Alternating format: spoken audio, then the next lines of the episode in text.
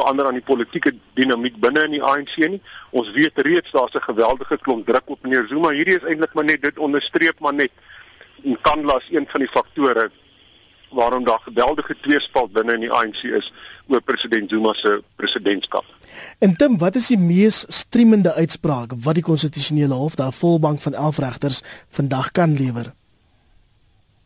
Ek het nou net gedeeltelik na professor Pierre de Vos geluister iwer maar ek jy weet ek dit lyk vir my die, die hof wat die hof kan sê is wat die meeste ouens maar sê is die president het uh uh die die openbare beskermer se aanbevelings moes hy uh uitgevoer het wat gesê het hy moet 'n gedeelte van die geld terugbetaal.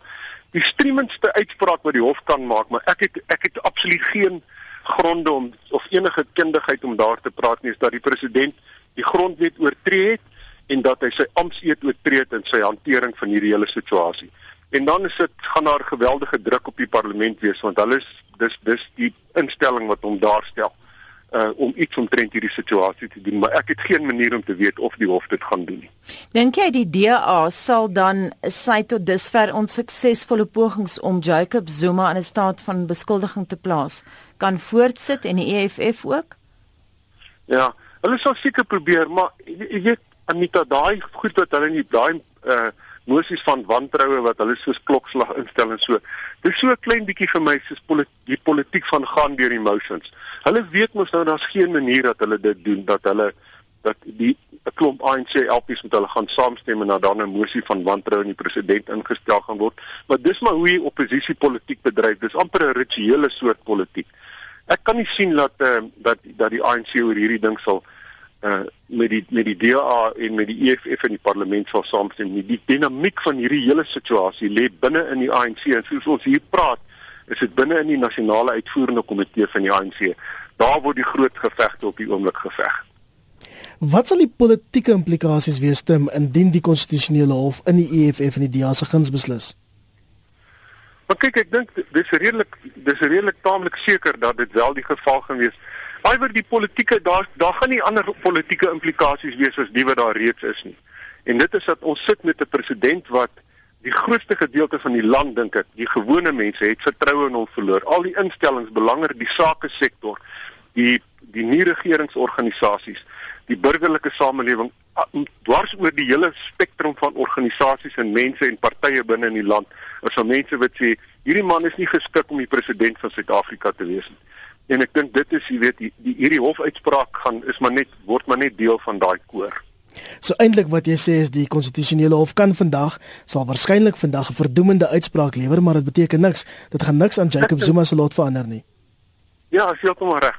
Jy weet en, en ek dink ons in die media moet ook so klein bietjie wegstaan van hierdie ding en ophou om die verwagtinge te skep. Elke keer as daar een of ander gebeurtenis is, dan sê ons nou gaan Zuma val.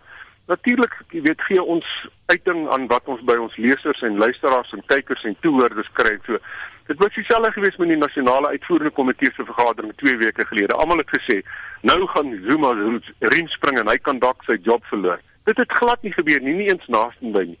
Maar dis alles deel van 'n groter proses en met hierdie hofspraak is dit presies dieselfde. Ek dink is regtig onrealisties om te verwag hier gaan een hofuitspraak van die konstitusionele hof wees en dit gaan so oornag die val van Zuma beteken. Dit gaan nie so gebeur nie. In politiek werk veranderinge en ons weet daar moet verandering kom. Ons weet ons kan nie baie langer so met meneer Zuma aangaan nie. Want politiek, dit vat verandering vat altyd langer as wat jy dink dit behoort te vat. Almal wil apartheid baie vinnig afgehandel en geval gesien het. Maar as dit eers en dit dan vat dit altyd langer, maar as dit eers begin en dan gebeur goed verskriklik vinnig en ek dink dit gaan dieselfde wees met meneer Zuma se uit se uitvaart uit die politiek uit. Dan hoe belangrik is hierdie hofuitspraak vir Suid-Afrika se internasionale beeld gegee, byvoorbeeld die feit dat Moody's pas hier op besoek was? Ek dink dit is baie belangrik want ek meen dit is 'n aanduiding van ons stelsel wat werk. Ek meen dit is 'n aanduiding daarvan dat ons howe onafhanklik funksioneer, dat die howe as die as die hof nou 'n skerp uitspraak 'n taamlike sensuur uitspreek oor die oor die president. So dan is dit behoort vertroue aan te boesem so ons veral ons hoër howe, die hooggeregshowe howe en hoër is onafhanklik funksioneer goed doen wat hulle veronderstel is om te doen dit behoort soort van 'n regmerkie as as Moody's nou met hulle klipbord hier deur die land stap en besluit wat is reg en verkeerd dan behoort ons 'n regmerkie daar te kry Jy praat nou van die onafhanklikheid van die howe Tim, maar ook natuurlik ter sprake hier is die onafhanklikheid van hoofstuk 9 instellings soos die openbare ja. beskermer. Dit is baie belangrik. Ek meen uh uh die, die openbare beskermer is die een wat as die as een van een van die groot helde uit hierdie hele verhaal uittreë. Ek sien voor in een van die koerante word daar bespiegel sê hulle kyk Tuli Madonsela advokaat Madonsela se termyn loop van jaar ten einde. Ehm uh, en na wat meneer Zuma en die ANC nou gesien het van haar en wat sy kan doen as jy 'n onafhanklike kredietwaardige geloofwaardige persoon daar in so 'n pos aanstel sal hulle geneig wees om die woord wat gebruik is om 'n strooipop 'n puppet aan te stel. En dit sal sleg wees as dit gebeur. Jy praat nou van twee kampe binne die ANC Tim uh, in terme van Kanla, maar die ANC het van denkie verander oor in Kanla gegee dat uh, jy weet wat gebeur het met Zuma se regspan. Daar is toegegee dat seker weet 'n bedrag ten minste terugbetaal sal moet word. Maar as mens dit vergelyk met wat Gwedi Mantashe in Augustus 2014 gesê het die ANC wil hê Tuli moet korrek korrek optree sy moet nie haar magte oorskry nie ons het gehoor Jessie Duarte het Madonsela as 'n populis uitgekry en dit om nie eers te praat van ja. Kebbi Mapatswe wat vir Tuli 'n CIA ja. agent genoem het nie. Mm. Uh, dis dis wat politici doen jy weet hulle is so skerpioene skerpioene steek en dit is wat politici doen hulle verander hulle draai hulle mantels Hulle verander hulle standpunte. Hulle sal nou een ding sê en môre 'n ander ding sê. Hulle sal vir jou nou die maan beloof en jy sal gelukkig wees as jy 'n stukkie kaas kry. Ek meen dit is ongelukkig hoe hulle is. Alles gaan oor opportunisme, alles gaan oor selfoorlewing. Toe daai uitsprake gemaak is deur 'n gewigtige figuur soos meneer Gwedi Mantashe, dink ek was die politieke omgewing soos hy dit gelees het, was dit alles gewees. Nou die hele spel het nou verander. Nou sit in sy belang om uh, om stil te wees ten beste oor die oor Tuli Madonsela of om haar aan te hang en haar, haar uitsprake aan te gryp in in die voer van sy eie argumente. Dis maar soos wat dit is. Ek meen hulle verander van standpunte. In die groter konteks dan 'n verkiesingsjaar.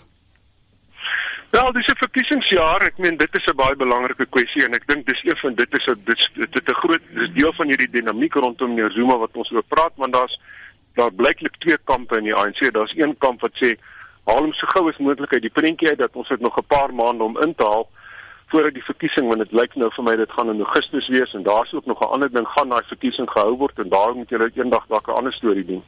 Ons is besig om die, ons is besig om daaraan te werk. Gaan die verkiesing wel plaasvind? Dis reg ja. So daar's een kamp wat sê haal hom onmiddellik uit die prentjie uit sodat ons kan jy weet nuwe momentum kry en sê hy's van ons skouers af, hy's 'n albatros om ons nek. Kom ons raak ontslaaf van Nassar. 'n Ander kamp weer wat sê nee, dit gaan te veel onstabiliteit veroorsaak om hom nou te roep of te verwyder wat jy dit ook al wil noem en hulle dink terug wat gebeur het met meneer Mbeki in 2008 het hulle het hom vroeg geroep en so in die volgende jaar het hulle swak gedoen in die verkiesing. So dis dis een van die die verkiesing is 'n baie belangrike faktor in hierdie hele situasie. Hulle besef hulle gaan swak doen en hulle moet nou soort van veg en elke moontlike hulle moet niks doen wat hulle posisie nog verder kan verswak nie. Baie dankie en so sê die joernalis Tim Du Plessis.